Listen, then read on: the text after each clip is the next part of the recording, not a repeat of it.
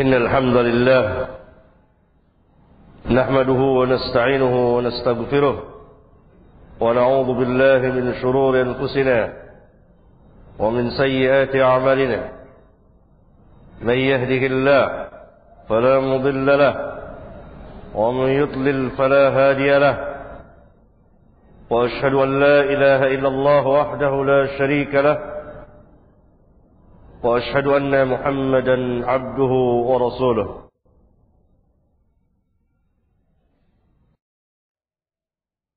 إخوان الأخوات إن سيتين تايدن سيموليكا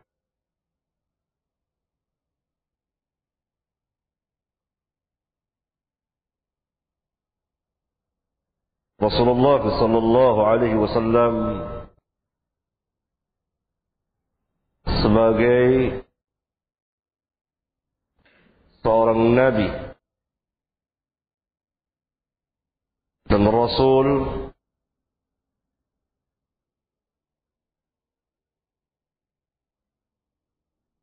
yang hak yang telah diutus oleh Allah Jalla wa Ala untuk seluruh umat manusia.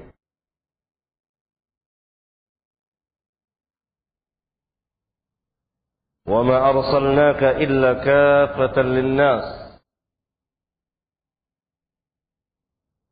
dan kami tidak mengutusmu melainkan untuk seluruh umat manusia.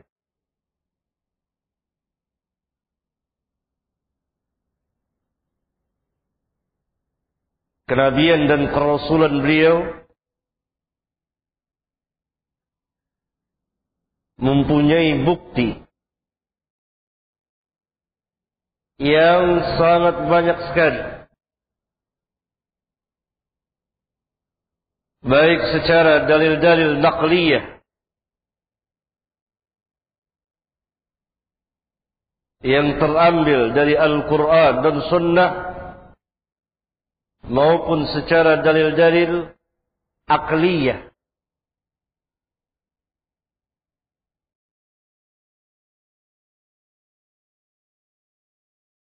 Dan dalil-dalil musyahadah yang dapat disaksikan, hissiyah yang dapat dirasakan.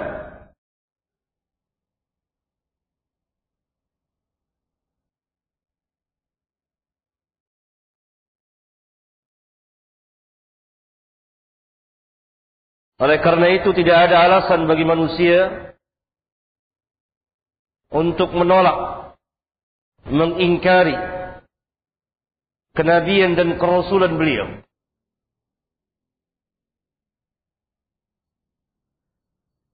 Mereka tidak mempunyai bukti, walaupun sedikit, kecuali tuduhan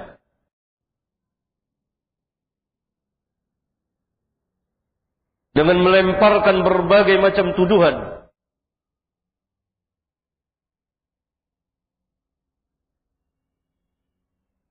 Yang tidak ada artinya dan tidak memudaratkan kenabian dan kerasulan Muhammad sallallahu alaihi wa alihi wasallam.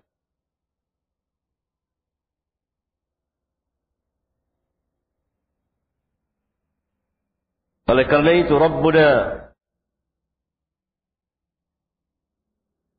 Jalla zikruhu beberapa kali berfirman dalam kitabnya yang mulia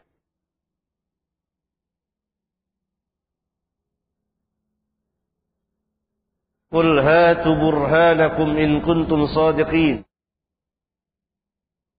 Katakan Katakan hai Muhammad kepada mereka yang mendustakanmu, yang mengingkari kenabian dan kerasulanmu.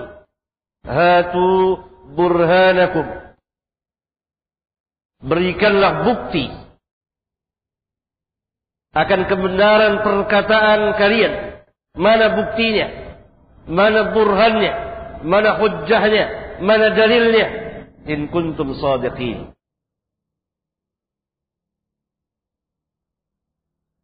Jika memang kamu orang-orang yang benar,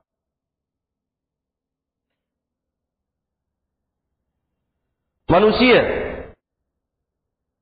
tidak mempunyai burhan, tidak mempunyai hujjah. Jadi manusia yang kafir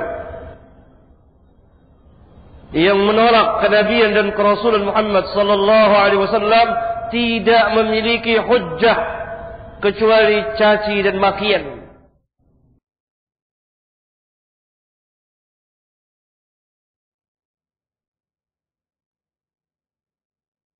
Seperti yang dilakukan oleh seorang kafir zindiq.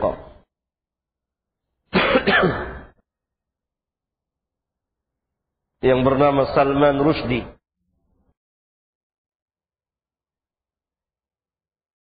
Dengan kitab syaitannya.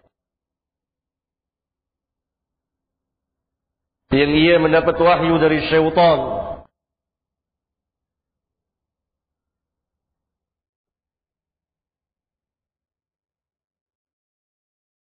Tidak mempunyai hujah sama sekali.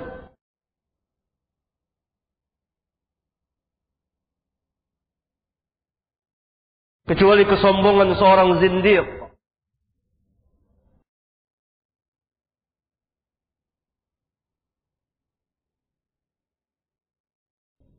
Mana hujjahnya? Mana burhannya?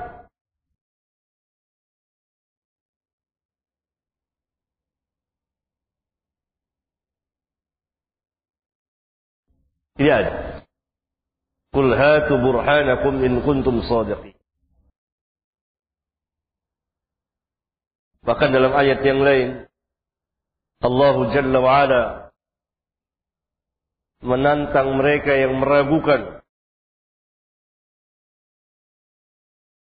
nubuah dan risalah Muhammad sallallahu alaihi wasallam yang kepada beliau diturunkan Al-Qur'an hudan linnas hidayah bagi manusia in kuntum fi raibin mimma نزلنا على عبدنا فأتوا بسورة من مثله وادعوا شهداءكم من دون الله إن كنتم صادقين Dan jika kamu ragu, kamu masih berada di dalam keraguan. Jadi tentang kebenaran ar-risalah, nubuah, kenabian dan kerasulan Muhammad sallallahu alaihi wasallam dan terhadap Al-Quran yang kami turunkan kepada hamba kami. Maka buatlah sebuah surat yang sepertinya, yang semisal dengan Al-Quran. Dan ajaklah penolong dan pembantu-pembantumu selain dari Allah, jika memang kamu benar fa illam taf'alu wa lan maka jika kamu tidak bisa mengerjakannya melakukannya dan selamanya kamu tidak akan sanggup membuat yang seperti Al-Qur'an. Allah Jalla dalam mempergunakan huruf lan lil istiqbal untuk masa sekarang ketika turunnya ayat yang mulia itu dan seterusnya kamu tidak akan sanggup membuat yang seperti Al-Quran. Maka fattaqun nar allati waquduha an-nas wal hijarah wa'iddat lil kafirin. Peliharalah dirimu dari api yaitu api neraka jahanam yang bahan bakarnya manusia dan batu yang Allah telah sediakan untuk orang-orang. Fa illam taf'alu wa lan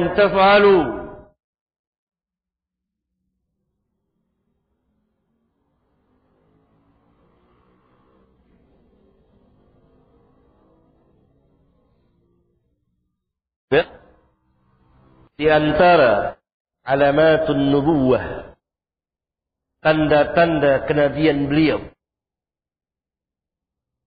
Salah satunya dari sekian banyak bukti dan hujjah dan dalil akan kebenaran kenabian dan kerasulan beliau. Salah satunya adalah apa yang beliau kabarkan kepada kita akan terjadi pasti terjadi pasti terjadi tidak dapat tidak Karena apa? Ma kharaja minni illa haqqun. Beliau pernah bersabda dalam sebuah hadis sahih. Tidak keluar dariku sampai sambil beliau mengisyaratkan ke mulutnya. Melainkan kebenaran. Ma kharaja minni illa haqqun. Bahkan Rabbuna Jalla Sana'uhu telah menegaskan dalam kitabnya yang mulia wa ma yantiqu 'anil hawa in huwa illa wahyu yuha dan ia yakni Rasulullah sallallahu alaihi wasallam tidak berbicara dengan hawanya hawa nafsunya melainkan wahyu yang diwahyukan kepadanya ya.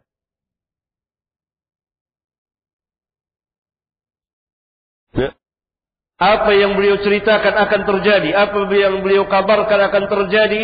Pasti terjadi. Tidak dapat tidak. Dan telah terjadi sebagiannya. Dan sedang berlangsung kejadiannya. Dan akan terjadi. Dan yang akan terjadi.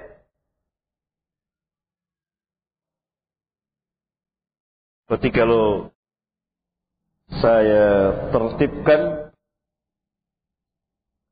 Pertama, yang telah terjadi dan tidak berulang lagi kejadiannya. Yang kedua, yang telah terjadi dan berulang lagi kejadiannya. Yang ketiga, yang baru terjadi pada zaman kita sekarang ini. Yang keempat, yang akan terjadi nanti.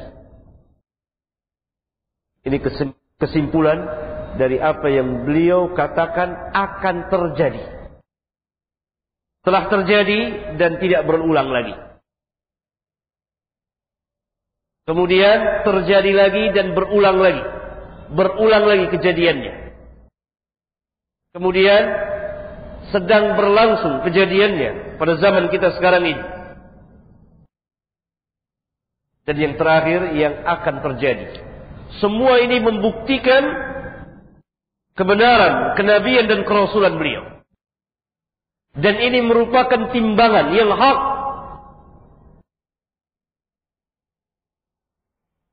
Akan kebenaran dakwah beliau. Bahkan akan kebenaran dakwah atau manhaj para sahabat ridwanullah alaihim jami'an.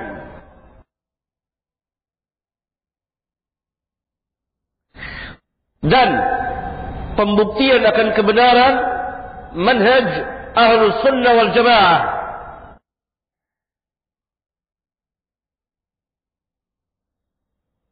Tentu saja keterangan ini harus didasari berdasarkan dalil-dalil yang sahih.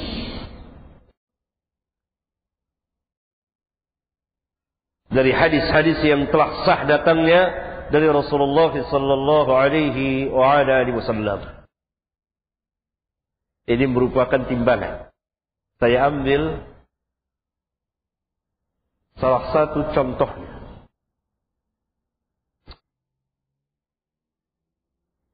Kaum Rafidah. Kaum Rafidah. Syiah. Menurut keyakinan mereka.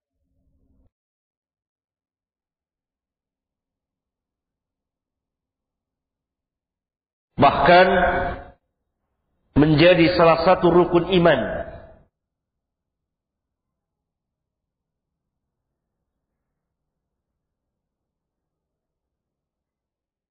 di dalam din mereka yaitu keimanan akan imamah keimaman khalifah yang mulia Ali bin Abi Talib radhiyallahu taala anhu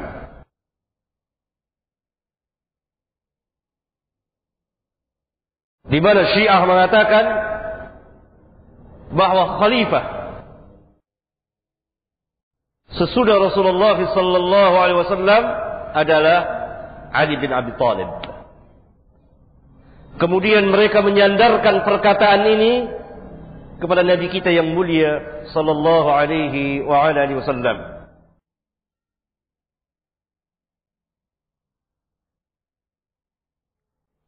Tentunya secara dusta dengan satu kebohongan yang maha besar.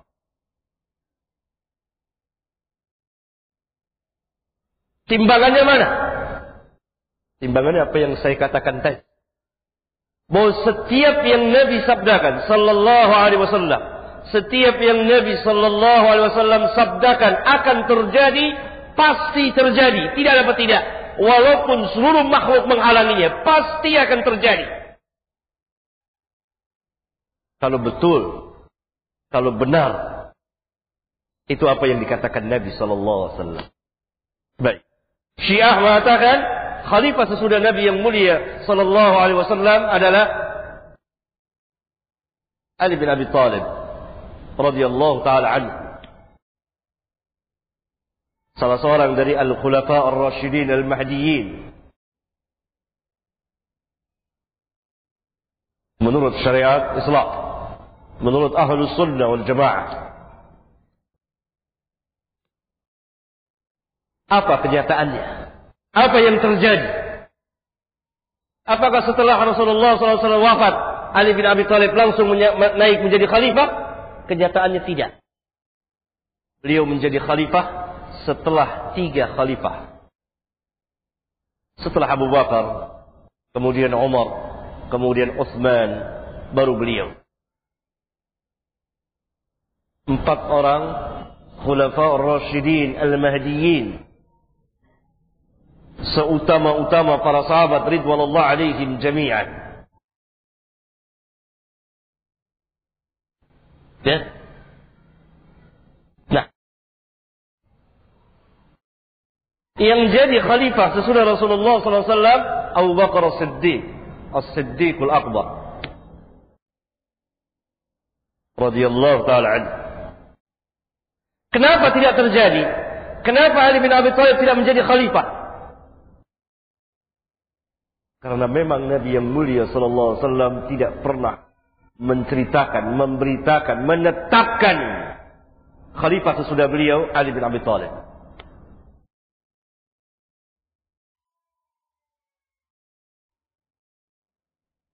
Karena kalau betul itu sebagai sabda beliau, pasti akan terjadi. Walaupun dihalangi oleh seluruh manusia, pasti Ali akan menjadi khalifah. Tidak dapat tidak apa yang beliau sabdakan akan terjadi, pasti terjadi. Syiah telah membuat riwayat-riwayat dusta yang disandarkan kepada Nabi sallallahu alaihi wasallam. Katanya Nabi sallallahu alaihi wasallam pernah bersabda, "Khalifati min ba'di Ali bin Abi Thalib." Khalifah sesudahku Ali bin Abi Thalib. Kenyataannya tidak. Abu Bakar terlebih dahulu, kemudian Umar, kemudian Utsman, baru Ali. Kenapa sabda Nabi yang mulia SAW kalau itu betul sabda sabda beliau tidak terbukti?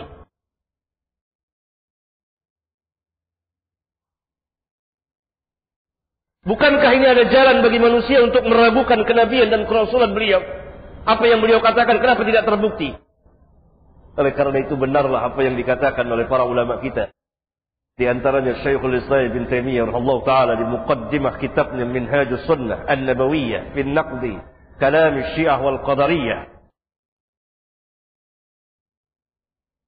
Jalan-jalan sunnah dalam menghancurkan perkataan atau madhab Syiah dan Qadariyah. Oh Syiah buatan kaum zindiq munafik.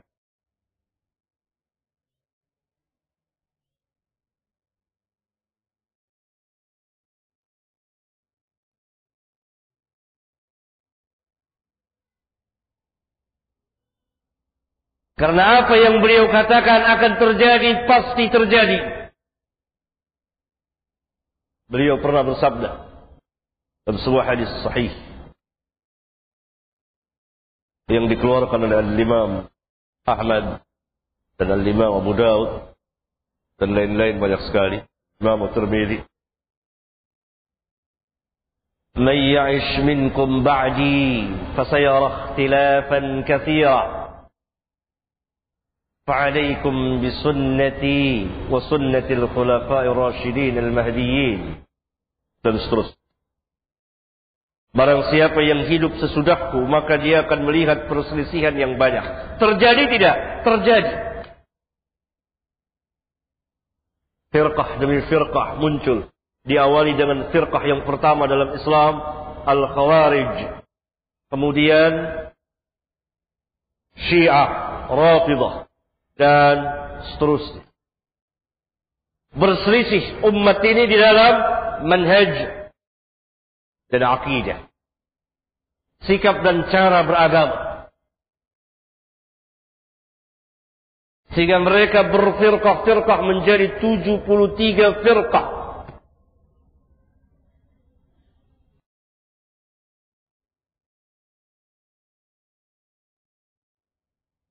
Mungkin saudara akan bertanya, ini sudah lebih dari 73. Di Indonesia ada berfirqah-firqah begitu banyak. Jangan salah paham. Para ulama telah membagi beberapa bagian firqah-firqah ini. Ada yang usulul firaq. Dasar-dasar munculnya firqah atau biangnya atau ketuanya firqah. Dari para ketua ini bercabang mereka beranak cucu.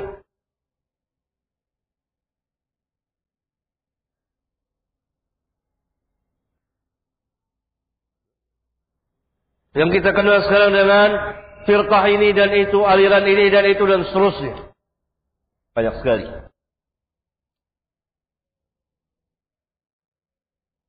Nah, ini merupakan kaidah yang sangat besar sekali.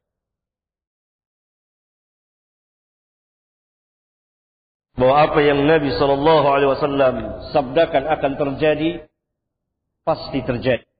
Beliau telah memberitahukan segala sesuatu yang telah sedang, yang telah dan akan terjadi. Dan hadis-hadis tentang masalah ini banyak sekali. Di antaranya saya bacakan. An Hudzaifah qala qama fina Rasulullah sallallahu alaihi wasallam maqaman ma taraka shay'an yakunu fi maqamihi ذلك إلى قيام الساعة إلا حدث به حفظه من حفظه ونسيه من نسيه dari Hudzaifah dia berkata Rasulullah sallallahu alaihi wasallam pernah berdiri di hadapan kami berkhutbah tidak beliau tinggalkan sesuatu pun atau sedikit pun juga di tempatnya itu jadi ketika beliau berkhutbah itu yang akan terjadi sampai hari kiamat melainkan beliau menceritakannya kepada kami. Akan menghafalnya orang yang hafal dan akan melupakannya orang yang lupa. Orang yang hafal akan hafal orang yang lupa akan melupakannya. Di antara yang menghafalnya adalah Hudzaifah Ibnu Yaman. Kata Hudzaifah Rasulullah SAW pernah berdiri di hadapan kami berkhutbah Beliau tidak tinggalkan sedikit pun juga yang akan terjadi. Melainkan beliau ceritakan kepada kami.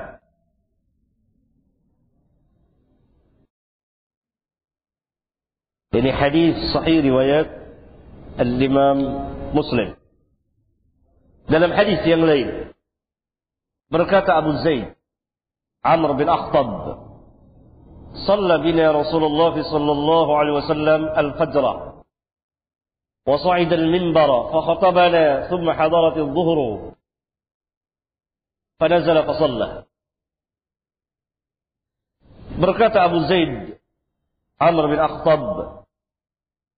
رسول الله صلى الله عليه وسلم pernah صلاة من إمام كام يعني صلاة فجر صلاة سبو selesai صلاة subuh beliau naik ke atas mimbar Kemudian beliau berkhutbah kepada kami sampai datang waktu zuhur. Kemudian beliau turun lalu salat mengimami kami itu salat zuhur. ثم صعد المنبر فخطبنا حتى حضرت العصر ثم نزل فصلى Kemudian beliau naik mimbar lagi lalu beliau berkhutbah kepada kami sampai datang waktu asar. Kemudian beliau turun lalu salat asar mengimami kami. ثم صعد المنبر فخطبنا حتى ضربت الشمس فأخبرنا بما كان وبما هو كائن وأعلمنا أحفظنا Kemudian beliau menaiki mimbar lagi, lalu beliau berkhutbah kepada kami sampai terbenam matahari, yakni datang waktu salat maghrib. Beliau telah menceritakan kepada kami apa yang telah terjadi dan yang akan terjadi. Jadi beliau telah mengkabarkan kepada kami apa saja yang telah terjadi dan yang akan terjadi. Dan orang yang paling mengetahui di antara kami ialah yang paling hafal di antara kami. Hadis sahih riwayat al-Imam Muslim. Dari subuh sampai maghrib. Rasulullah SAW berkhutbah kepada para sahabat. Tidak turun kecuali untuk salat. Zuhur, asar. Selesai salat subuh, beliau berkhutbah sampai datang waktu zuhur. Kemudian beliau turun dari mimbarnya, lalu salat mengimami para sahabat. Selesai salat, beliau naik lagi ke atas mimbar. Berkhutbah lagi sampai datang waktu asar. Kemudian beliau turun, lalu salat asar mengimami para sahabat. Selesai salat asar, beliau naik lagi ke atas mimbarnya. Kemudian beliau berkhutbah sampai datang waktu maghrib, sampai terbenam matahari dan masuk waktu salat maghrib. Kemudian beliau salat selesai dari subuh sampai maghrib. Beliau telah mengkabarkan kepada kami, kata Abu Zain, Amr bin Akhtab, apa yang telah terjadi dan yang akan terjadi. Dan ini bertebaran di hadis-hadis beliau yang diriwayatkan oleh puluhan ratusan ribuan para sahabat ridwanullah alaihim jami'an.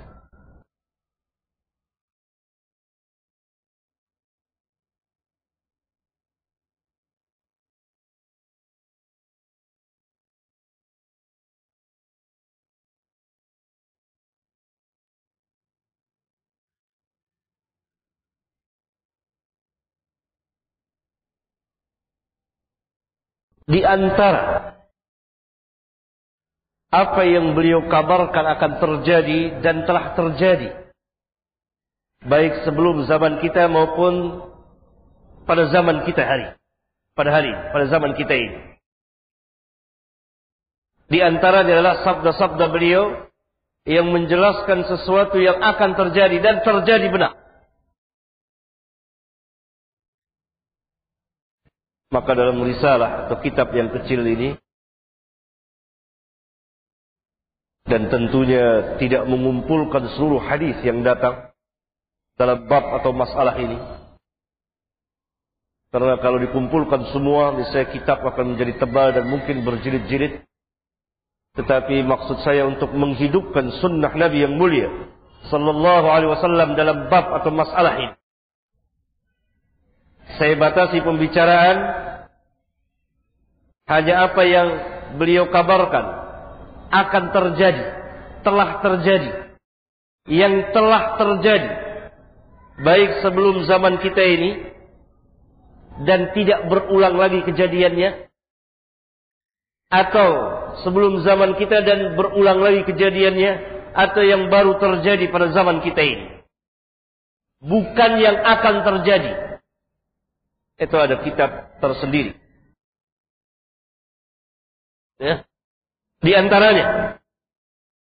Oleh karena itu kitab ini saya beri judul telah datang zamannya apa yang dikabarkan oleh Rasulullah sallallahu alaihi wasallam. Di antaranya pertama telah datang zamannya kaum muslimin belajar menuntut ilmu kepada ahli bid'ah Majlis-majlis ahli bid'ah didatangi oleh kaum muslimin. Mereka duduk di majlis-majlis ahli bid'ah mengambil ilmu dari mereka yang pada hakikatnya adalah kebodohan. Beliau sallallahu alaihi wasallam pernah bersabda, "Inna min asratis sa'ah ayyultamasul ilmu 'inda al-asagir."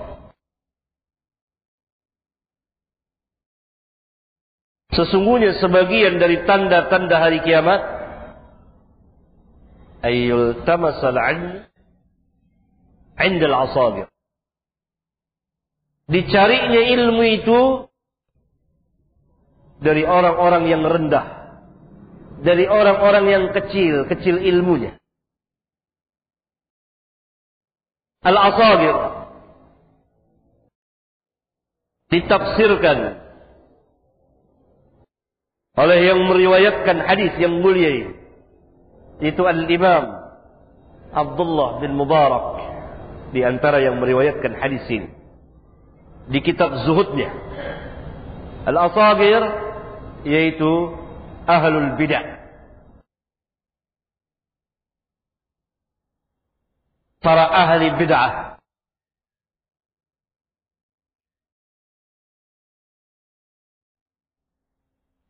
Ini telah terjadi dan sedang berlangsung kejadiannya pada zaman kita sekarang ini. Hadis yang mulia ini merupakan salah satu tanda dari tanda-tanda kenabian dan kerasulan beliau. Apa yang beliau katakan akan terjadi telah terjadi dan sedang terjadi. Sekaligus hadis yang mulia ini merupakan peringatan yang sangat-sangat keras kepada setiap muslim akan bahaya dan kerusakannya bid'ah dan ahli bid'ah pada diri kaum muslimin.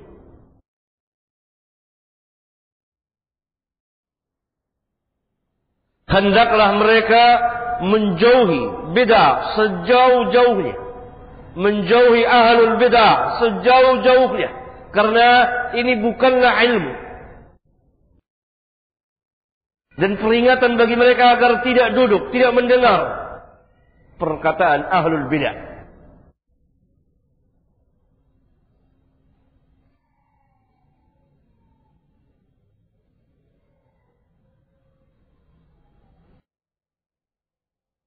Dalam hadis yang mulia ini Rasulullah SAW memperingati kita.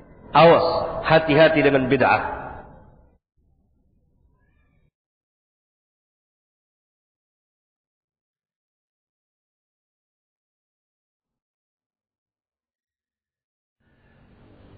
Soal datang pertanyaan dari sebagian kaum muslimin, apakah orang yang melakukan salah satu tanda dari tanda-tanda hari kiamat dia termasuk orang yang tercela? Atau bagaimana? Kalau kita melihat jawabnya, kalau kita melihat kepada hadis-hadis Rasulullah SAW, orang yang melakukan salah satu tanda atau beberapa tanda dari tanda-tanda hari kiamat, apa yang beliau katakan akan terjadi. Ada yang tercela dan ada yang terpuji. Ada yang tercela dan ada yang terpuji. Ada yang haram, ada yang tidak haram, tapi hilang keutamaan.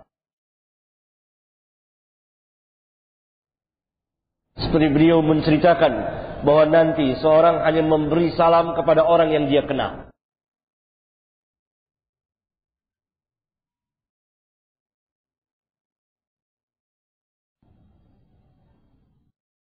Ya, saya hanya memberi salam kepada antum yang saya kenal, itu kepada antum, itu kepada antum. Saya tidak memberi salam kepada kaum muslimin yang lain. Sebagai salah satu pelaku dari tanda-tanda hari kiamat. Dan perbuatan saya ini bukanlah haram. Tetapi hilangnya sejumlah keutamaan yang telah disediakan oleh Islam. Bahwa orang muslim yang baik adalah yang memberi salam kepada orang yang dia kenal dan orang yang tidak dia kenal. Yang tidak dia kenal dari kalangan kaum muslimin.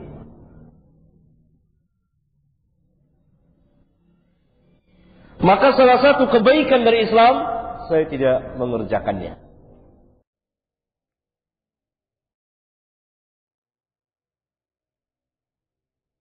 Ya. Dan lain-lain banyak sekali. Nah, mendatangi majlis-majlis ahlul bidah, duduk di majlis-majlis ahli bidah, salah satu pelaku yang tercela, salah satu perbuatan yang tercela dan pelakunya tercela. Soal, datang lagi pertanyaan. Siapakah ahli bid'ah itu? Apakah setiap muslim yang mengerjakan bid'ah dia ahli bid'ah?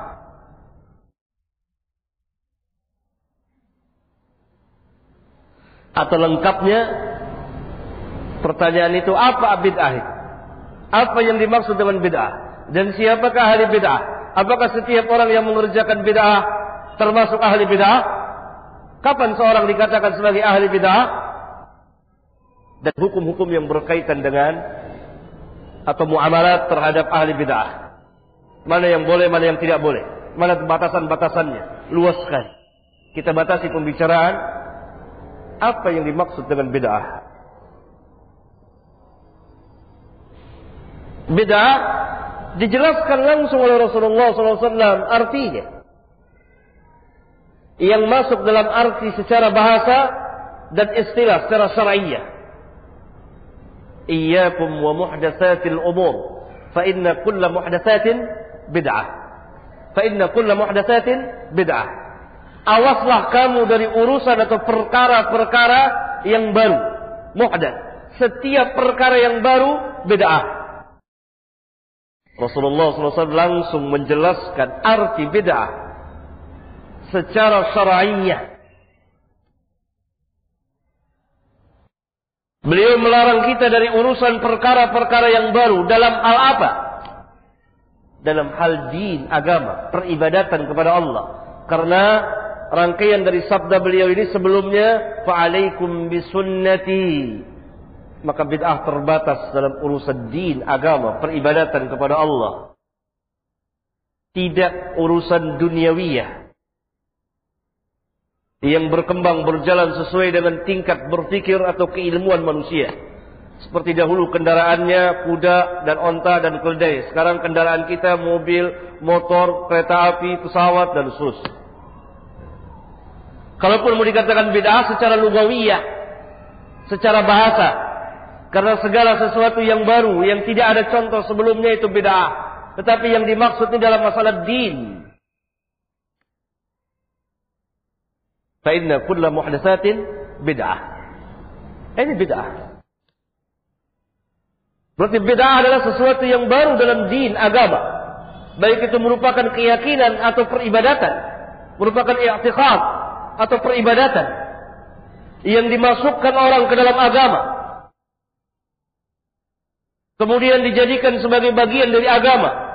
Kemudian dikerjakan dengan niat takarrub mendekatkan diri kepada Allah dengan mengharapkan ganjaran. Itu bid'ah.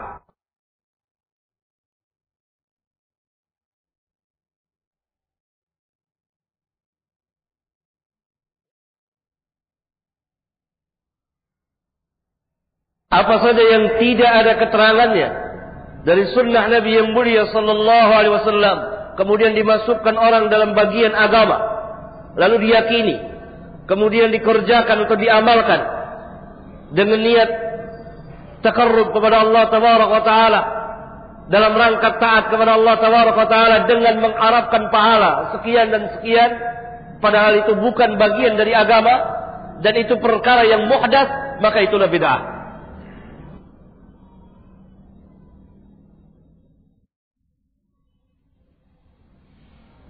walaupun pelakunya bermaksud baik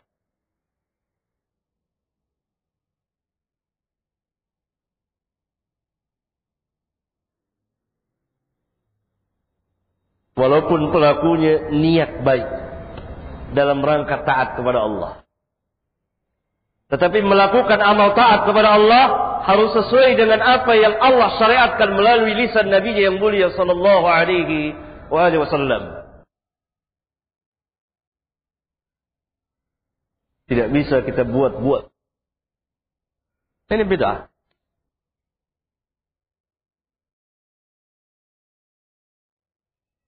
Dalam hadis yang lain, Rasulullah SAW katakan, hadis muttafaqun alaih, dari Bukhari dan Muslim, man ahdath.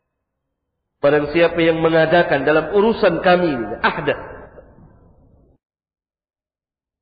Mengadakan hal yang baru, yang tidak pernah ditetapkan oleh Rasulullah SAW baik secara mujmal atau secara terperinci.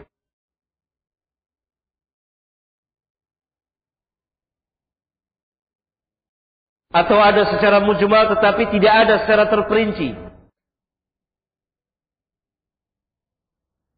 Saya ulang.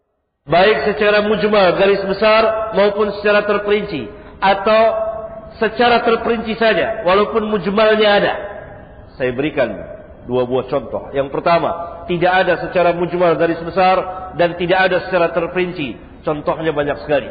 Di antaranya Maulid Nabi sallallahu alaihi wasallam peringatan Isra dan Mi'raj Nabi sallallahu alaihi wasallam, peringatan nuzul Quran. Tidak ada keterangan baik secara garis besar maupun secara terperinci kecuali berbaik sangka.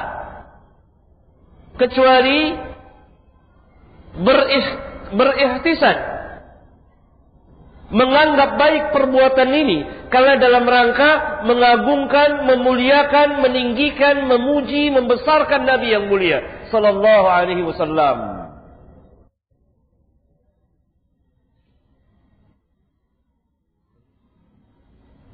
Tidak ada sama sekali keterangan sandaran baik secara garis besar maupun secara terperinci.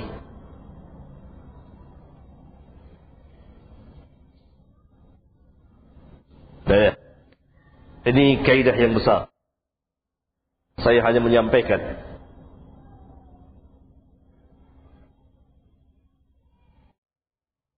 Pikirkan baik-baik. Renungkan. Tahan kemarahan, tahan emosi. Jangan marah dulu sebelum berpikir.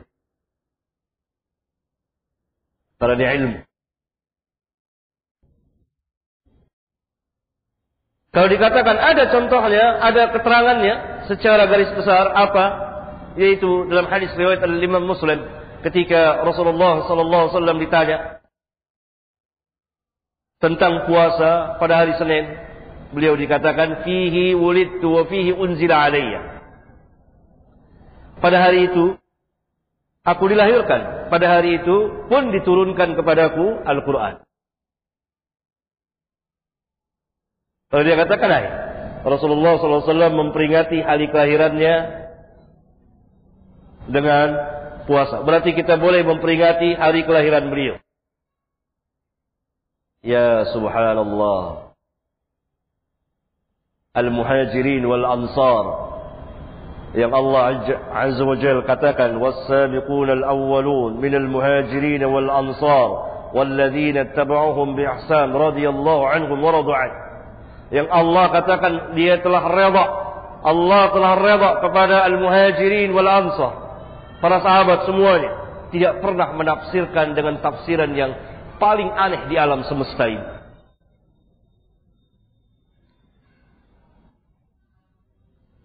Kalau betul tafsirannya seperti itu, tentu para sahabat lebih dahulu memperingati beliau. Karena tidak ada seorang pun juga satu kaum, satu masyarakat yang sangat mentakzimkan, mengagungkan, membesarkan, memuliakan, meninggikan Nabi yang mulia sallallahu alaihi wasallam lebih dari para sahabat ridwanullah alaihim jami'an.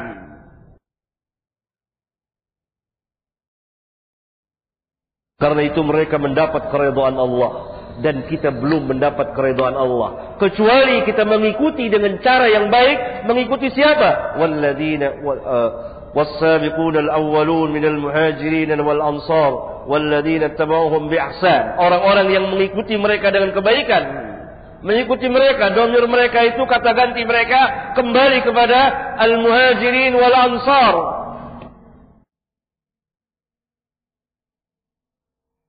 Dalam hadis itu yang dijadikan contoh oleh para sahabat as-saum as-saum puasa pada hari Senin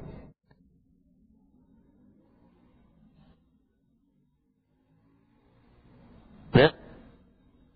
Tapi tidak ada secara garis besar, secara terperinci. Dan memang tidak pernah dikenal oleh kaum muslimin selama empat abad. Selama tiga abad.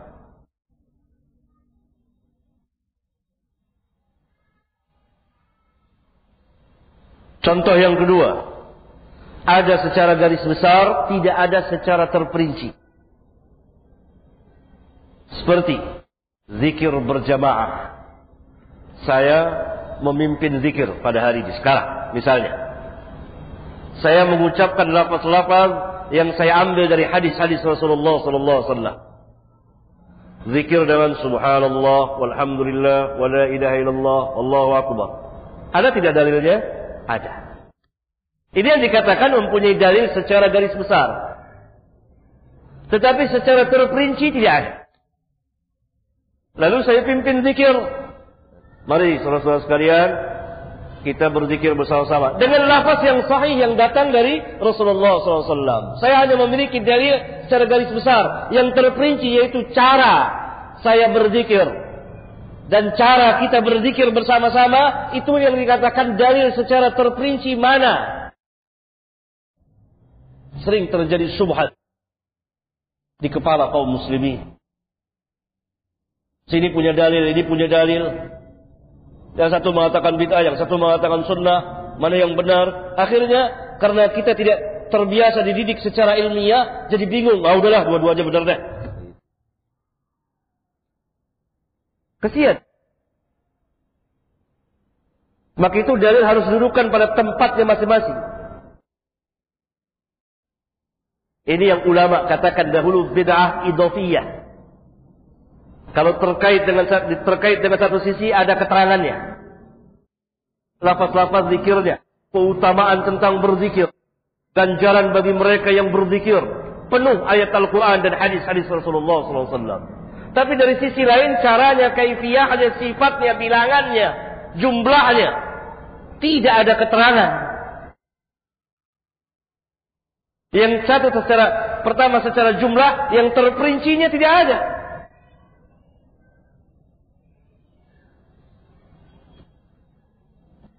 Nah bagi kita yang tidak tahu tentang kawaid syara, kaidah-kaidah agama yang patut dipelajari oleh setiap muslim. Ketika dia bertanya, mana dalilnya? Disodorkanlah ayat-ayat Al-Quranul Karim. Al-Quranul Karim yang memerintahkan, yang menganjurkan berzikir dengan sejumlah keutamaannya. Demikian juga dari hadis-hadis Rasulullah SAW. Ini dari lalu sebagian kaum muslimin menganggap ya betul ini. Ini dalilnya ada Bukhari Muslim. Padahal ada satu masalah lagi. Apa Apanya? Kaifiyahnya caranya. Kalau si muslim ini tahu tentang kaidah-kaidah agama, dia akan tanya, bukan itu yang saya tanyakan kepada saudara. Yang saya tanya, kalau tentang keutamaan berzikir, perintah untuk berzikir, ganjaran bagi orang-orang yang berzikir, kita tahu semuanya. Ayat Al-Quran dan hadis banyak. Yang kita tanyakan bukan itunya. Yang saya tanyakan sifat dan cara saudara dalam berzikir. Ada yang bisa jawab? Itu dia. Secara terperinci. Secara terperinci. Nabi mengumpulkan sahabat di masjid, mari berzikir beramai-ramai. Kalau tidak ada, siapa yang mengajarkan kepada kita?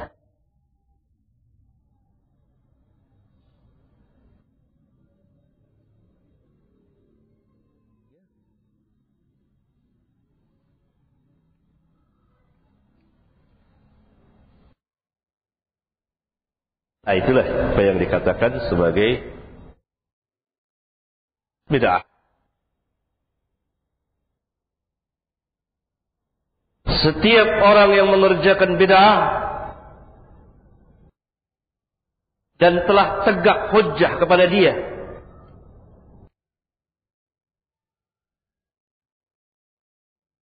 ditegakkan hujjah kepada dia bahwa perbuatan itu salah, perbuatan itu bid'ah, telah menyimpang dari sunnah Rasulullah wasallam. Kemudian dia tetap keras kepala dan tetap melangsungkan mengerjakan bid'ahnya, maka sempurnalah dia sebagai mubtadi. Ahli bid'ah.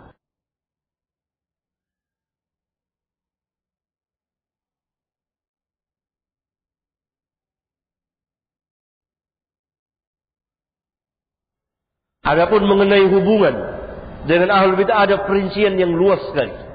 Diterangkan oleh para ulama satu persatunya. Ya, ini salah satu tanda dari tanda-tanda telah datang zamannya. Apa yang dikabarkan oleh Rasulullah SAW sebelum zaman kita atau pada zaman kita ini.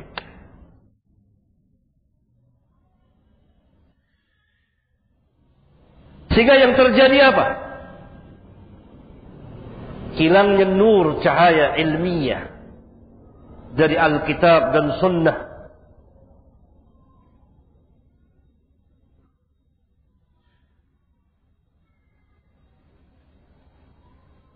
Kemudian hilangnya pemahaman yang benar bersama pengalaman eh, pengamalan dan dakwah Islam dengan pemahaman yang benar. Hilang pemahaman yang benar terhadap ilmu Islam, terhadap pengamalan Islam, terhadap dakwah Islam. Sehingga salah dalam memahami, salah dalam mengamalkan, salah dalam berdakwah.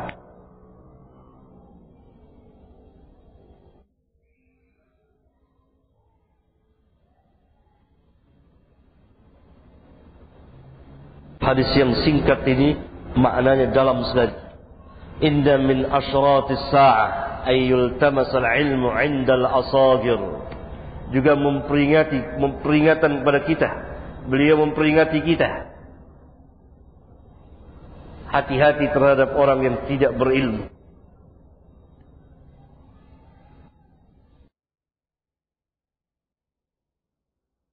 Tidak boleh berbicara din kecuali dia memiliki ilmu.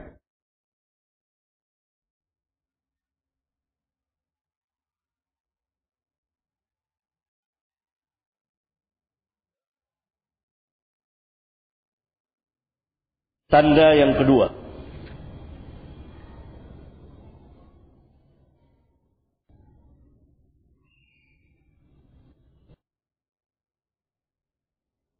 orang-orang yang jahil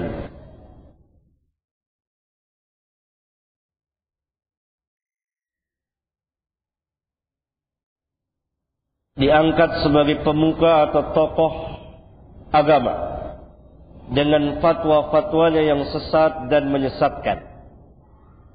Perkataan saya ini lafaznya saya ambil dari lafaz Nabi yang mulia sallallahu alaihi wasallam kalau dikatakan ini keras, maka hendaklah mereka menuduh Nabi yang mulia sallallahu alaihi wasallam keras. An Abdullah bin Amr bin Al-As qala sami'tu Rasulullah sallallahu alaihi wasallam yaqul dari Abdullah bin Amr bin As dia berkata aku pernah mendengar Rasulullah sallallahu alaihi wasallam bersabda Inna Allah la yaqbidu al-ilma intiza'an yantazi'uhu min al-ibad Sesungguhnya Allah tidak mencabut ilmu begitu saja. yakni zatnya ilmu. Dari dada-dada hambanya. Walakin yakbidul ilma biqabdil ulama. Akan tetapi dia mencabut ilmu itu. Dengan diwafatkannya al-ulama. Orang-orang yang memiliki ilmu. Hatta idha lam yubki aliman. Sehingga apabila tidak sisa, tidak tinggal seorang pun alim. Dalam riwayat yang lain tinggal sedikit seorang yang alim itu ittakhadhan nasu ru'usan juhala maka manusia akan mengangkat sebagai pemimpin-pemimpin mereka, tokoh-tokoh mereka yang dimaksud adalah pemuka-pemuka agama yang dikatakan sebagai orang-orang yang alim dalam agama. Juhalan, yang jahil-jahil atau terjemahannya dalam bahasa Indonesia yang bodoh-bodoh. Jadi lafaz jahil saya ambil dari sabda beliau sallallahu alaihi wasallam. Fasu'ilu fa'aftau bi ghairi ilmin. Lalu mereka ditanya, kemudian mereka berfatwa karena telah dianggap sebagai tokoh dan ditokohkan di masyarakat sebagai tokoh agama, tentu manusia akan bertanya kepada mereka. Lalu mereka pun karena telah ditanya, mereka berfatwa bi ghairi ilmin, tanpa ilmu. Dalam riwayat yang lain, bi ra'yihi dengan rakyu akal pikiran mereka. Yang menunjukkan mereka sangat jauh dari wahyu Alkitab dan Sunnah. Dan tidak ada yang sangat jauh dari wahyu Alkitab dan Sunnah. Kecuali orang-orang yang juhala.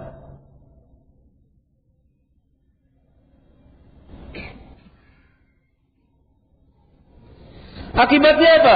Fadallu wa adallu. Mereka sesat dan menyesatkan. Karena itu perkataan saya diangkat sebagai pemuka atau tokoh agama dengan fatwa-fatwanya yang sesat dan menyesatkan. Itu diambil dari sabda Nabi yang mulia. Fadallu wa adallu. Mereka sesat dan menyesatkan. Fa'aftau mereka berfatwa bighairi ilmin dengan tanpa ilmu. Dalam riwayat yang lain dengan ra'yu mereka. Fadallu wa adallu. Bukan hanya mereka sesat tapi menyesatkan orang lain. Karena apa? Tidak ada ilmu. Tidak ada ilmu. Hadis yang mulia ini mengajarkan kepada kita untuk selalu berdekat kepada al-ulama. Al-ulama warasatul anbiya. Jangan tinggalkan para ulama. Pada akhir zaman tinggal sedikit, tinggal sedikit. Bisa dihitung dengan jari al-ulama. Karena Allah akan angkat ilmu ini biqabdil ulama. Maka sebelum ilmu ini diangkat oleh Allah dengan dimatikan para ulama, hendaklah kita menuntut ilmu. Jangan malas dalam menuntut ilmu. Dan kita lihat bahwa pada akhir zaman, pada zaman ini, yang diangkat menjadi tokoh-tokoh atau pemuka-pemuka agama sebagian besarnya diangkat oleh manusia bukan karena ilmunya. Tapi manusia yang tidak tahu menahu. Kan ittakhadhan nasu ru'usan juhala. Lalu manusia mengangkat sebagai pemimpin-pemimpin agama ketua-ketua yang juhala. Telah terjadi dan sedang terjadi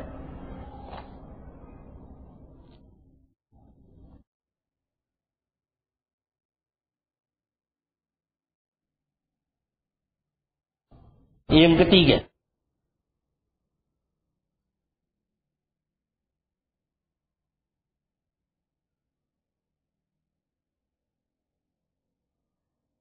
kaum muslimin mengikuti Yahudi dan Nasara dalam segala hal.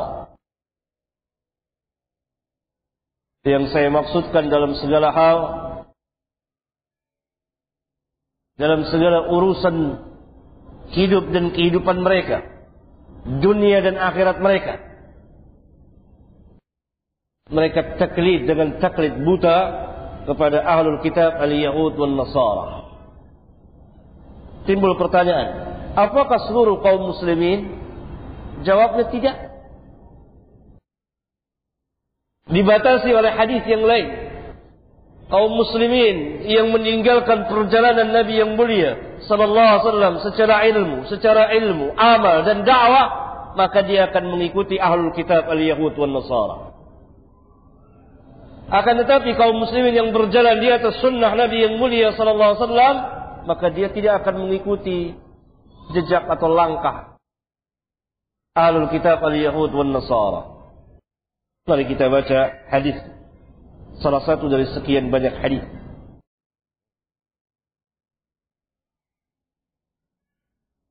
عن أبي سعيد الخدري رضي الله عنه أن النبي صلى الله عليه وسلم قال لتتبعن سنن من كان قبلكم شبرا بشبر وذراعا بذراع حتى لو سلكوا وفي لفظ دخلوا حجر ضب لسلكتموه قلنا يا رسول الله اليهود والنصارى قال فمن dari Abu Sa'id Al-Khudri radhiyallahu anhu ia berkata sesungguhnya Nabi sallallahu alaihi wasallam telah bersabda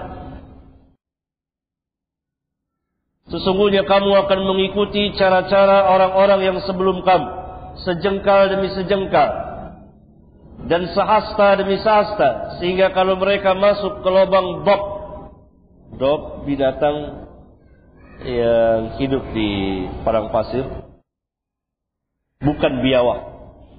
Ya. Pasti kamu akan mengikutinya. Kan, yakni para sahabat bertanya, wahai Rasulullah, apakah yang dimaksud adalah orang-orang Yahudi dan Nasara? Beliau menjawab, maka siapakah lagi kalau bukan mereka? Ini hadis mutawatir dikeluarkan oleh Bukhari, Muslim dan lain-lain dari jamaah para sahabat. Di antaranya diriwayatkan oleh Abu Sa'id Al-Khudri. Perhatikan sabda beliau sallallahu alaihi wasallam, "La tattabi'unna sunana man kana qablakum, shibran bi shibrin wa dira'an bi dira'in, hatta law salaku wa fil labdin dakhalu hujra dabbin la salaktumuh."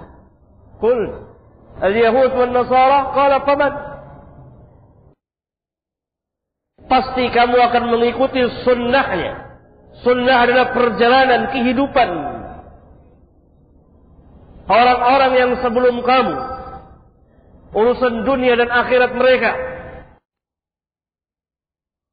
Hubungan dengan Allah dan hubungan dengan manusia. Hablum minallah, hablum minan nas.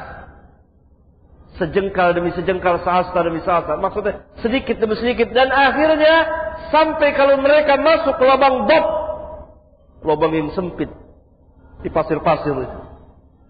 Pasti kamu akan masuk mengikuti. Lihat pemahaman yang benar dari para sahabat, kecerdikan para sahabat, bersihnya akal pikiran mereka, sahihnya pemahaman mereka. Langsung para sahabat ridwanullah alaihim jami'an tahu. Al-Yahud wal Nasara mereka Yahudi dan Nasara jawab Nabi paman siapa lagi kalau bukan mereka Karena kita tidak berjalan di atas sunnah Rasulullah SAW, maka kita tidak tahu itu al-Yahud dan Nasara. Kita pun terjerumus ke dalamnya.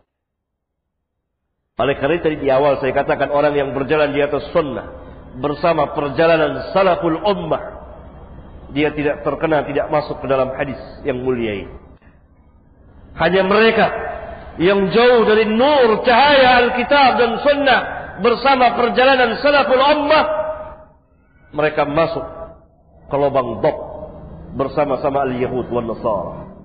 Dalam urusan dunia mereka dan akhirat mereka, keyakinannya mengikuti keyakinan ahlul kitab. Berapa banyak kaum muslimin beribadah tanpa ilmu. Tanpa mereka tahu dari mana asalnya. Mereka hanya ikut-ikutan saja. Mereka tidak bertanya. Apa yang Allah firmankan, apa yang Rasul sabdakan. Kalau Allah, kalau Rasul. Bukan kata pulan, kata pulan, kata pulan, kata guru saya. Tanya dari mana datangnya. Karena bapak kita, kakek kita, guru kita bukan Nabi. Yang Nabi adalah Muhammad sallallahu alaihi wasallam. Yang Rabbuna perintahkan kita untuk mengikutinya. Tanya dan tanya dari mana? Apa Nabi kami, apa Nabi kita bersabda demikian? Apa Nabi kita perintahkan kita seperti ini?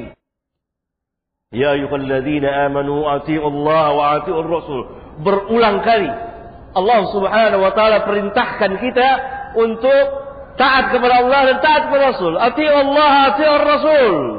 Wa ma Rasul fakhudhuhu wa ma nahakum anhu fantahu. Apa yang Rasul berikan ambil, apa yang Rasul larang jauhi. Ya ayyuhalladzina amanu la tuqaddimu baina yaday Allahi wa rasulih. Wahai orang-orang yang beriman, janganlah kamu mendahului Allah dan Rasulnya. Jangan kamu menetapkan sesuatu sebelum Allah dan Rasulnya. Ya ayyuhalladzina amanu stajibu lillahi wa lirrasul idza da'akum lima yuhyikum. Wahai orang-orang yang beriman, ijabahkanlah panggilan bagi Allah dan Rasulnya apabila Rasul memanggil kamu untuk menghidupkan hati-hati kamu. Banyak berpuluh ayat Al-Quran. Akhirnya keyakinan kita beribadah tanpa ilmu Sebagian yang berilmu mengutak-atik ayat Al-Quranul Karim. Merubah ke kanan dan ke kiri. Seperti perbuatan orang-orang Yahudi. Mengetahui kebenaran, tetapi mereka menyembunyikan kebenaran dan tidak mengamalkan kebenaran itu. Sebagian dari kita lagi beramal tanpa ilmu, seperti orang-orang Nasara. Dan cara muamalat kita pun cara muamalat ahlul kita. Al-Yahud. Orang-orang Yahudi lah yang pertama kali membuat riba di permukaan bumi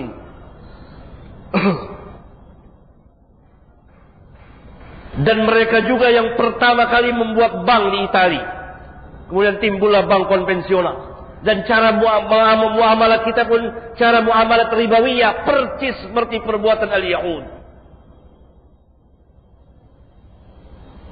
صدق رسول الله صلى الله عليه وسلم لتتبعن سنن من كان قبلكم شبرا بشبر sejengkal demi sejengkal Wadiraan bidra'in sehasta demi sehasta, sedikit demi sedikit, makin hari makin jauh, makin cepat kita mengikuti. Tadi sejengkal, sejengkal, jengkal, kemudian sehasta, lebih panjang lagi, lebih cepat lagi kita mengikuti al-Yahud. Terus sampai Nabi katakan kalau sekiranya mereka masuk ke lubang bab, pasti kamu akan mengikut memasukinya. Sadaqa Rasulullah sallallahu alaihi wasallam. Lihat di negeri-negeri Islam. Hampir rata-rata di negeri-negeri Islam ada bank-bank konvensional yang ribawiyah. Dengan kesepakatan para ulama pada zaman ini. Bank-bank itu adalah bank-bank ribawiyah. Tidak syak lagi. Tidak ada keraguan lagi di dalamnya. Dan itu cara, cara salah satu praktek muamalat yang sangat diharamkan dalam Islam. Dengan kesepakatan seluruh ulama Islam di dunia ini pada hari ini.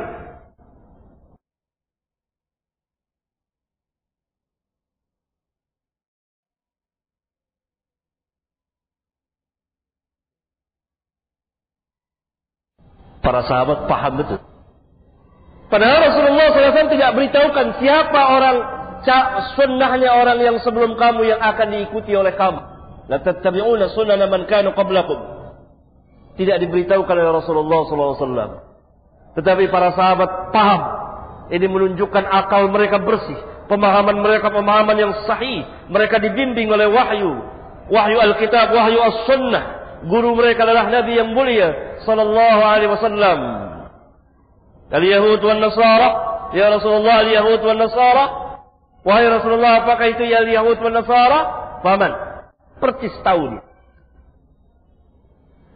Karena itu, orang-orang Yahudi tidak berkutik di bawah kedua telapak kaki para sahabat. Ridwanullah alaihim jami'an.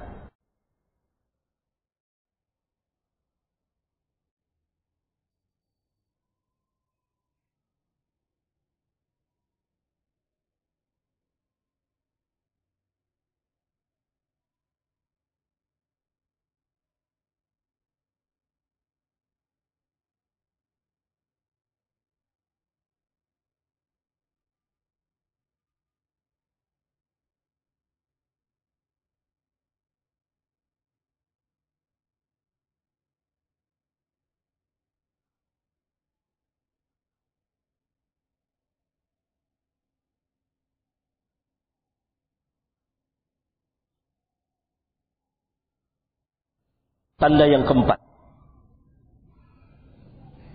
Tersebarnya bid'ah dan firqah-firqah dan tampilnya para dai yang berada di pintu-pintu jahannam.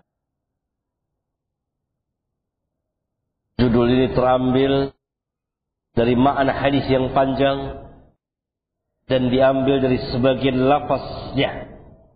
Seperti para dai yang berada di pintu-pintu jahannam hadis yang merupakan soal jawab yang sangat besar antara Hudzaifah ibnu Yaman dengan Nabi kita yang mulia sallallahu alaihi wasallam.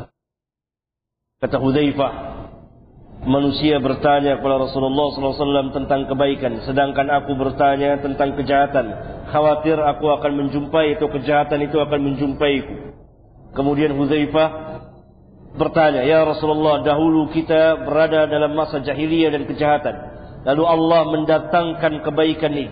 Apakah sesudah kebaikan ini akan ada kejahatan?" Jawab beliau, "Iya."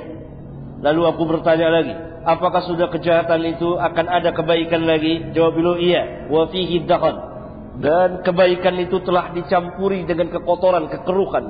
Kata ulama dalam menafsirkan hadis ini dakhan adalah bid'ah. Qala Kultu, kata Huzaifah aku bertanya lagi, apa yang dimaksud dengan kekotoran dan kekerukan ini? Kata beliau, qaumun yastannuna bi ghairi sunnati wa yahduna bi ghairi haji ta'rifu minhum wa tunkir. Satu kaum yang akan datang nanti. Mereka memakai sunnah bukan dengan sunnahku. Mereka memakai petunjuk bukan dengan petunjukku. Lihat. Yastannuna bi ghairi sunnati wa yahduna bi ghairi haji. Kalau yang mereka pakai bukan sunnah Nabi, sunnah siapa? Lawan dari sunnah apa? bid'ah. Jadi mereka ini siapa? Ahlul bid'ah. Atau secara umum masyarakat kaum muslimin. Sehingga bercampurlah amal mereka antara yang hak dengan yang batil. Antara yang sunnah dengan bid'ah. Karena itu kata Nabi SAW kepada Huzaifah, ta'rifu, ta'rifu minhum wa tunkiru. Ta'rifu minhum wa tunkiru. Ada yang kau kenal dari amal mereka karena sama setuju dengan sunnah, berjalan di atas sunnah. Ada yang kau ingkari karena tidak sesuai dengan sunnah. Ta'rifu minhum wa tunkiru. Di antara mereka ada, di antara amal mereka ada yang kau kenal. Kenapa? Karena sunnah amalnya. Dan ada juga di antara amal mereka yang kau ingkari. Kenapa? Karena bid'ah. Berarti bercampurlah antara sunnah dengan bid'ah. Bahkan dalam satu peribadatan saja, sekarang kaum muslim bercampur antara bid'ah dengan sunnah. Antara sunnah dengan bid'ah. Seorang akan sholat, lalu dia mengucapkan sebelum takbir, lafaz niat, nawaitu uh, usolli far. Ketika wudhu, dia ucapkan nawaitu wudhu. Bercampur, wudhunya sahih. Atau sebagian bercampur lagi dengan yang yang yang tidak sunnah. Begitulah. Ta'rifu minhum wa tunkir kejadian pada diri kita, pada keluarga dan masyarakat kita.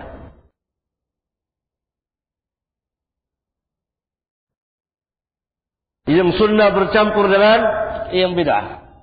Lalu Hudzaifah bertanya lagi, apakah sesudah kebaikan yang di dalamnya ada kekotoran itu akan ada kejahatan yang lebih besar lagi? Maksudnya lebih kejahatan akan ada kejahatan, maksudnya kejahatan yang lebih besar lagi dan lebih menyeramkan lagi. Karena kejahatan itu bertingkat-tingkat. Demikian juga bid'ah itu bertingkat-tingkat. Berperingkat, bermartabat. Kemudian dia menjawab, "Na'am, iya. Du'atun ala abwab jahannam man ajabahum ilaiha qadhafuhu fiha." Dai-dai. Du'at bentuk jamak dari dai. Berarti mereka ini penyeru, mereka dakwah. Dakwah dengan giat sekali.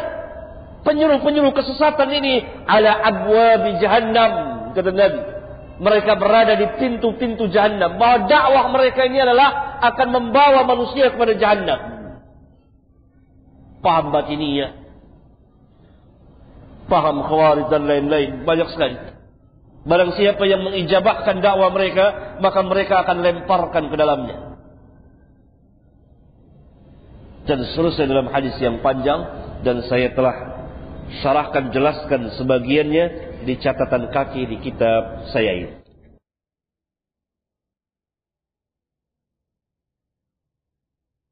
Kemudian tanda yang kelima,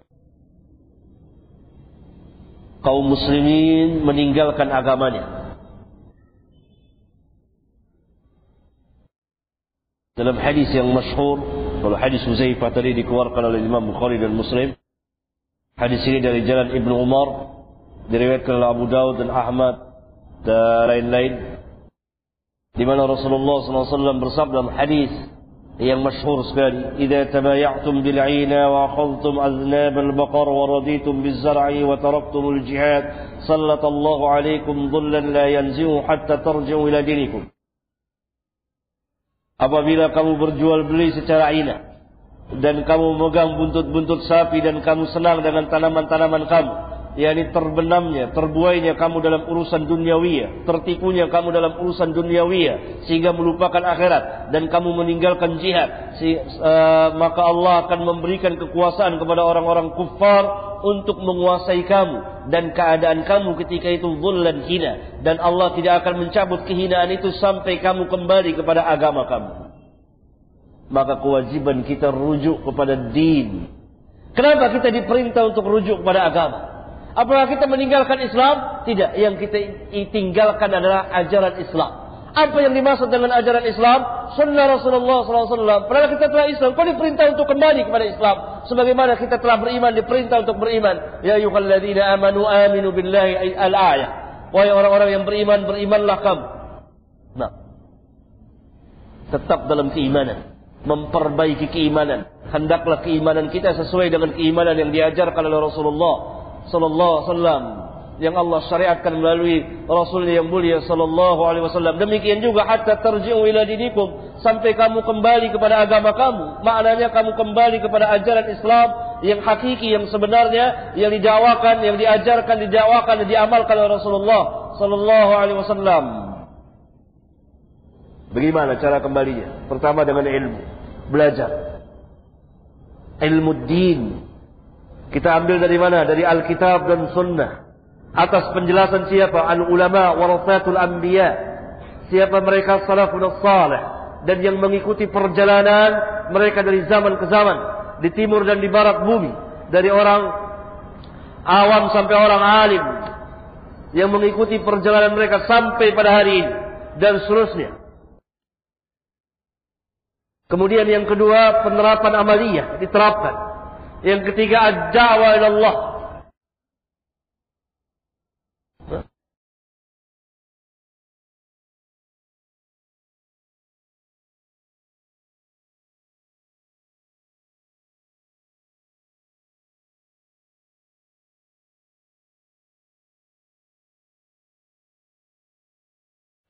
Pertanyaan yang pertama, apakah ada hadis yang inti bunyinya bahwa Rasulullah sallallahu alaihi wasallam pernah melihat para sahabat berzikir berjamaah lalu Rasul mendiamkannya. Dan inilah yang dijadikan oleh sebagian kaum muslimin sebagai hujjah melakukan zikir berjamaah dan mereka mengatakan ini hadis riwayat Bukhari. Tidak ada hadis yang seperti ini. Mungkin hadis buatan mereka. Atau Bukhari bukan Bukhari yang kita kenal. Tapi Bukhari yang lain. Bagaimana adab mencari ilmu. Pertama, ikhlas. Mempunyai niat yang sadiqah. Niat yang benar, ikhlas. Lillahi ta'ala. Karena Allah. Yang kedua dengan niat untuk menghilangkan kebodohan yang ada pada kita dan ada pada saudara kita. Secara khusus, secara umum yang ada pada manusia. Yang ketiga mencintai ilmu dan ahli ilmu. Yang keempat belajar dengan semangat, tekun dan seterusnya dari adab-adab menuntut ilmu sebagaimana diterangkan oleh para ulama. Dan ada kitab yang terbaik saat ini, kitab terjemahan. Itu karya Syekhul Imam Muhammad bin Salih Al-Utsaimin rahimahullah taala. Adab-adab menuntut ilmu. Baru saja terbit dan diterjemah, baru saja diterjemahkan dan terbitkan. Adab-adab uh, menuntut ilmu. Kurang lebih judulnya seperti itu. Ya Ustaz, ta'adud adalah solusi bagi bagi lebih banyaknya perempuan dari laki-laki. Sekarang banyak laki-laki ahli sunnah tidak mengawalkannya. Sementara wanita-wanita banyak dinikahi pengikut bid'ah. Bagaimana memotivasi ta'adud ini Ustaz? Masya Allah. Insyaallah diawali dari kita dulu. Karena ta'addud ini bukanlah uh, permasalahan yang menjadi pembeda antara ahlul bid'ah dengan ahlus sunnah. Karena ta'addud ini poligami inilah fitrah yang berjalan atas manusia. Hanya Islam mentertibkannya. Menjelaskan dengan cara yang sebaik-baiknya. Oleh karena itu pertama harus diterangkan dulu tentang ta'adud apa yang dimaksud poligami ya. Ta'adud itu berpoligami. Apa yang dimaksud keutamaannya dan hukum-hukumnya dan seterusnya. Dan masing-masing dari kaum muslimin mentarbiah istrinya mendidik istrinya dengan pendidikan ilmiah. Maksud dan tujuan dari poligami ini. Ini mungkin siapa yang tanya nih? Ikhwan atau akhwat ini? Hah? Akhwat atau ikhwan? Masa ikhwan tulisannya kayak akhwat? Hah? Hah? Nah. Ya, ikhwan, mungkin ikhwan atau akhwat saya nggak tahu. Ya.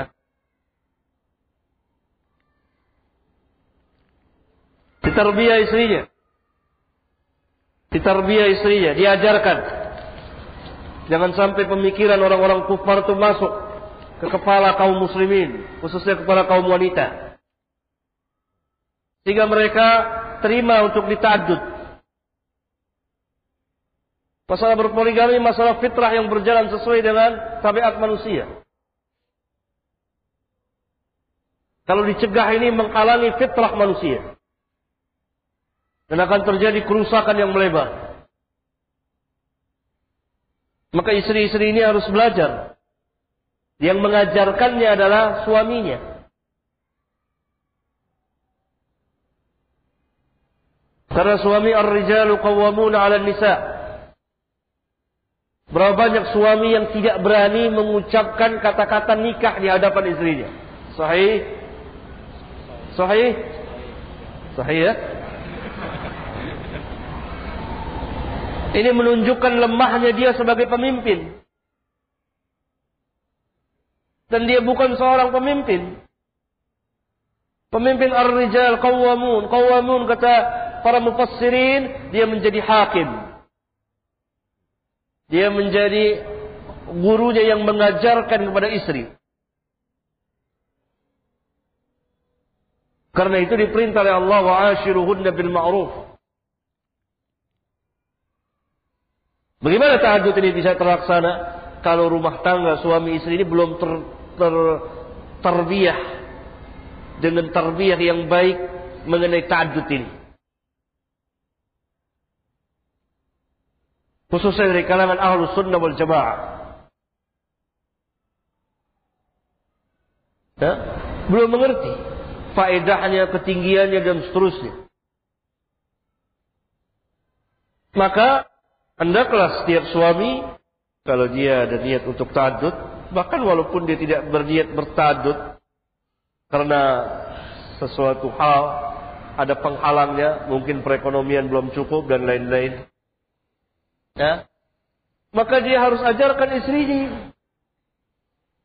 Agar istrinya beriman dan tidak menentang. Seperti sebagian perempuan-perempuan muslimat. Tapi sikap dan amaliyahnya seperti perempuan-perempuan munafikat. Mereka menentang ta'adud ini berpoligami di TV, diseminarkan dan lain-lain. Menyalahi kodrat suaminya sendiri. Apakah dia tahu bahwa suaminya tidak kawin di luar? Bahkan barangkali sebagian suaminya, bukan barangkali telah terjadi kenyataan sangat buasnya terhadap kaum wanita. Akhirnya suaminya menjadikan wanita-wanita itu sebagai piaraannya, selirnya, yang disimpan di apartemen-apartemen. Dan hanya didatangi seminggu atau dua minggu sekali. Tidak jalan bersama dengan dia. Tidak diberi kehormatan sama sekali. Tidak dikatakan sebagai istrinya tapi sebagai gundiknya yang hanya diberi satu dua tumpuk lembar rupiah.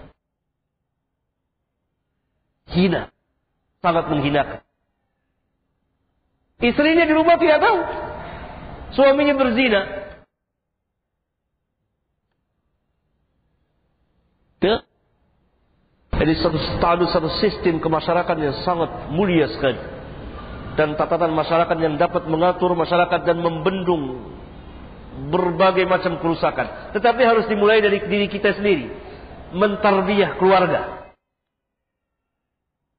Ini. Allah telah membolehkannya begini. Tetapi tentunya terhadap yang pertama kita telah memenuhi hak dia sebagai istri secara pergaulan, secara nafkah dan seterusnya. Betul-betul kita berkedudukan sebagai suami. Kenapa hal seperti ini takut dibicarakan? Bukankah ini menunjukkan ketidakberhasilan kita dari satu sisi sebagai berfungsi sebagai suami ar-rijalu qawwamuna 'alan nisa?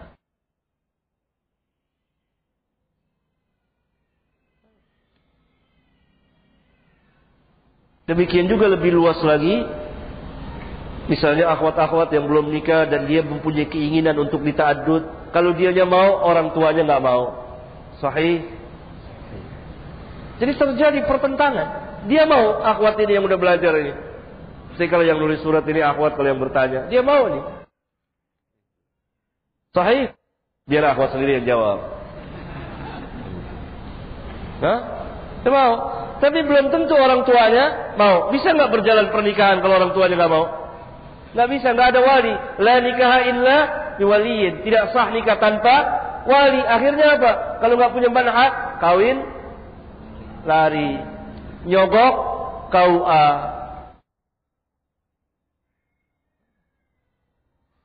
Ini skopnya luas.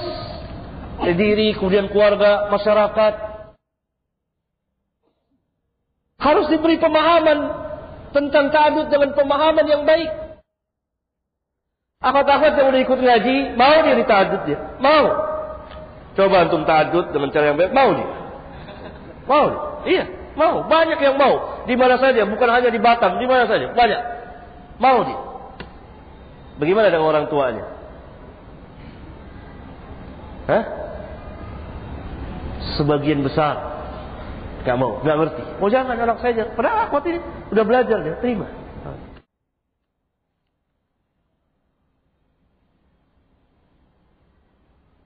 Istri antum sudah mengerti, mau akhwatnya sudah mengerti, mentok ke calon mertua antum. Gak mau, oh gak mau anak saya ta'adud. Gak jadi. Itu belum paham tentang ta'adud.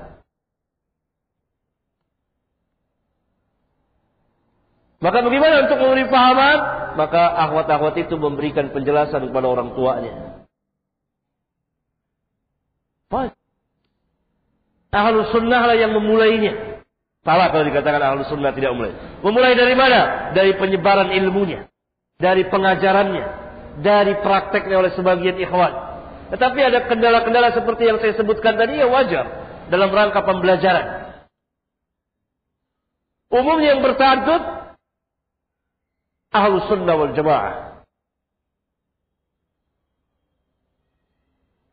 Tapi harus kita mulai dari diri kita. Dalam arti mendidik keluarga kita. Yang saya maksud keluarga istri. Diajar. Begini. Dia siap terima. Kalau ini masalah yang biasa dalam Islam. Dan kitanya tahu sebagai suami. Harus bertanggung jawab.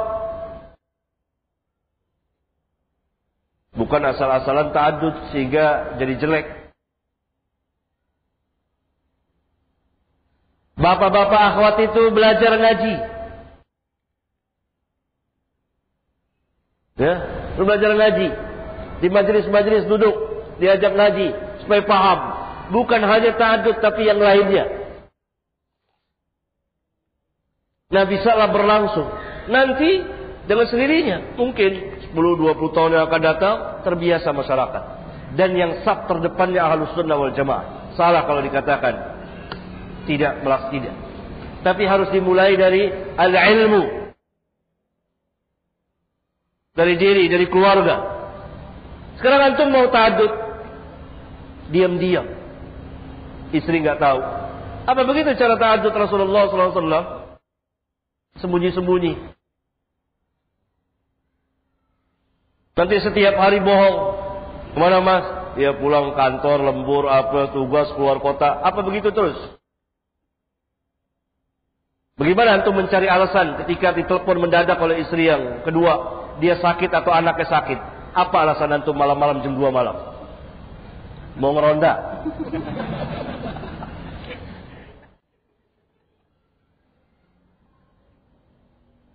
Harus terus terang. Tetapi yang namanya cemburu tentu hal yang wajar. Kecemburuan ada dua.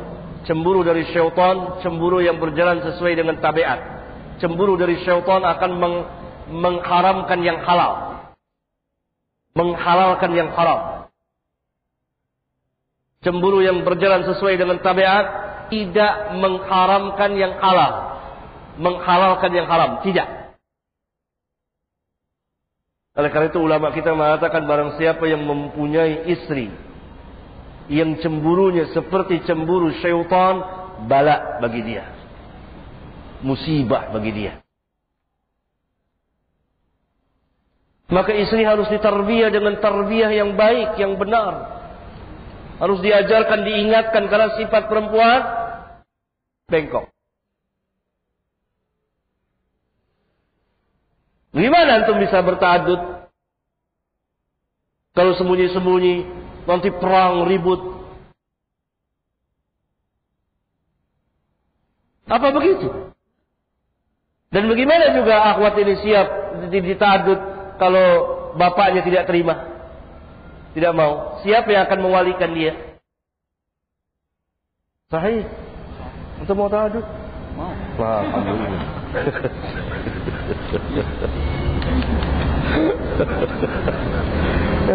Nah, ya, harus klop berjalan bersama. Pada zaman Nabi yang mulia biasa. Dan dulu di negeri kita ini biasa kaum muslimin bertadut. Ketika masuk ajaran-ajaran pelajar-pelajar ini yang belajar di luar negeri pada tahun 60-an, pelajar-pelajar barat, lebih barat dari orang barat, lebih Belanda dari orang Belanda, masuk ke Indonesia ngajar. Anti ini anti itu. Paham ini paham itu. Kemudian diperbarui lagi. Ketika awal tahun 80-an kemudian diperbarui lagi ketika masuk tahun 90 kemudian diperbarui lagi ketika masuk tahun 2000 pada puncaknya.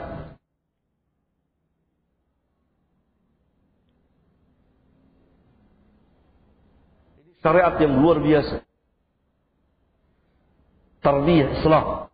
Tetapi bukan hanya untuk orang per orang saja tahu. Istri ini tahu, paham.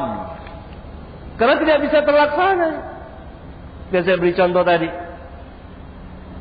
Antum mau, akhwatnya mau, istri antum sudah setuju, akhwatnya mau, senang ditadut dengan antum, mau dan antum bertanggung jawab sebagai pemimpin betul-betul, bukan hanya kawin-kawin begitu saja. Bapaknya akhwat nggak mau. Apa yang terjadi? Apa yang terjadi? Yang udah kawin nih. Apa yang terjadi? Hah? Jawab. Nggak bisa. Akhirnya antum? Hah? Kecewa katanya. Kecewa. Ini pengalaman khusus dari si Haris ini.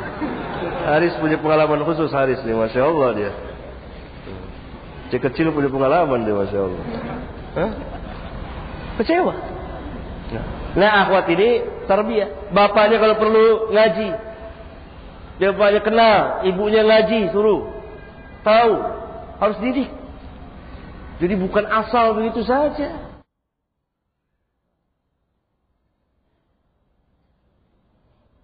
Antum ta'adud, istri belum ditarbiyah, langsung dia teriak, ceraikan saya mas, lari ke rumah orang tuanya.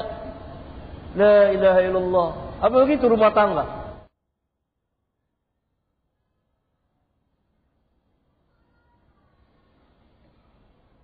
Sehingga kejadian sebagian kaum muslimin nikah tanpa diketahui oleh istrinya yang pertama. Istri yang pertama belum ditarbiyah. Tahu dia suami nikah pada hari hanya dia datang, dia hancurkan walimah itu.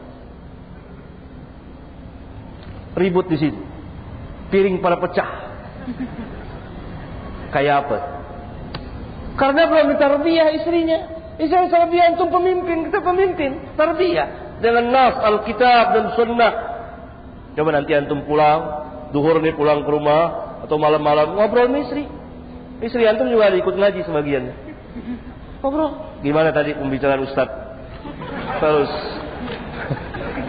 ngobrol nggak apa-apa. Gak apa-apa. Gimana? Pendapat anti gimana? Mari kita sama-sama. Ini kita keluarga as-sakinah. Nah, ngobrol, ngobrol, ter ngobrol. Ngobrol sama istri. Ngobrol. Iya. Apa-apa. Belak-belakan. Kenapa? Ini istri antum. Orang yang paling dekat dengan antum. Yang mendampingi antum seumur hidup antum. Seumur hidup dia. Kita mendampingi dia seumur hidup. InsyaAllah ta'ala. Dan dia mendampingi kita seumur hidup kita. Kalau kita sakit, dia ngerawat istri. Istri orang yang paling apa? Paling dekat. Itu seorang istri katakan kufur asyir. Kufur asyir kufur kepada teman hidupnya, kufur nikmat. Bagaimana antara suami dan istri suami begitu takutnya? Bukan takut berarti kita harus berani